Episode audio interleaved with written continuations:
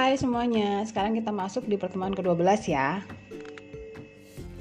Materinya sesuai dengan timeline, kita akan bahas praproduksi. Yang minggu lalu saya sudah share uh, interface, software, sama modul untuk pembuatan game interaktif.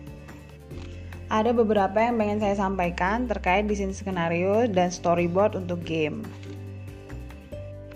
Untuk storyboard game sendiri itu memang beda sama storyboard animasi dan storyboard video. Storyboard dalam game itu harus mampu menjawab produk apa yang dibuat, kemudian siapa sih sasaran produknya, kemudian apa tujuan yang ingin dicapai, bagaimana strategi untuk mencapai tujuan, dan berapa lama waktu untuk implementasi storyboard menuju game. Serta yang terakhir sebenarnya apa sih pesan game yang akan dibuat nanti. Selanjutnya, isi storyboard game itu ada tiga yang perlu diperhatikan. Yang pertama adalah garis besar tentang cerita. Cerita ini berhubungan sama sebenarnya tujuanmu apa sih bikin game, kemudian endingnya mau seperti apa, tantangannya seperti apa. Terus yang kedua adalah perlu diperhatikan prinsip-prinsip mekanisme game.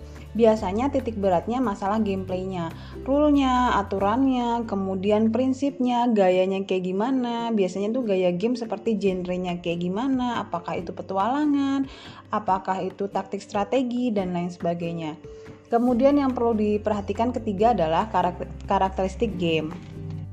Karakteristik di sini biasanya apakah butuh perangkat khusus, kemudian uh, play uh, running gameplaynya di mana, kemudian efek-efeknya seperti apa, terus uh, apa sih yang menjadi keunggulan dari game yang akan dibuat. Karena kita masuknya di pengenalan anak usia dini untuk game, jadi fokusnya adalah menciptakan storyboard untuk game-game uh, yang tujuannya untuk motorik, kognitif ataupun psikomotorik perkembangan anak usia dini.